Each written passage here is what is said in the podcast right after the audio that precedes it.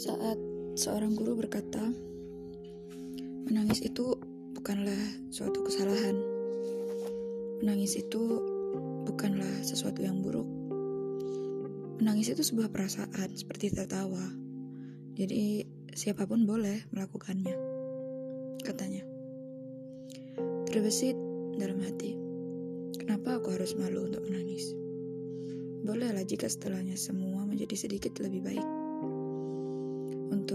jiwa yang terkadang rapuh, untuk hati yang tak jarang tersakiti, dan untuk sifat wanita yang identik dengan tangis.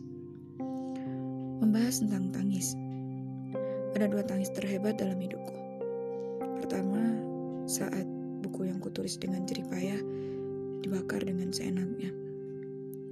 Dan kedua, saat sang malaikat tanpa sayapku harus kembali memenuhi panggilan langit.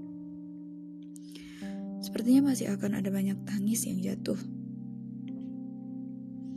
Wahai air mata, terjunlah pada tempat yang semestinya. Jadilah tangis yang bisa kuhapus sendiri. Bantulah hati mengobati luka-lukanya. Dan kuatkan bibir untuk bisa tersenyum kembali. Wahai air mata, jatuhlah untuk pemiliknya.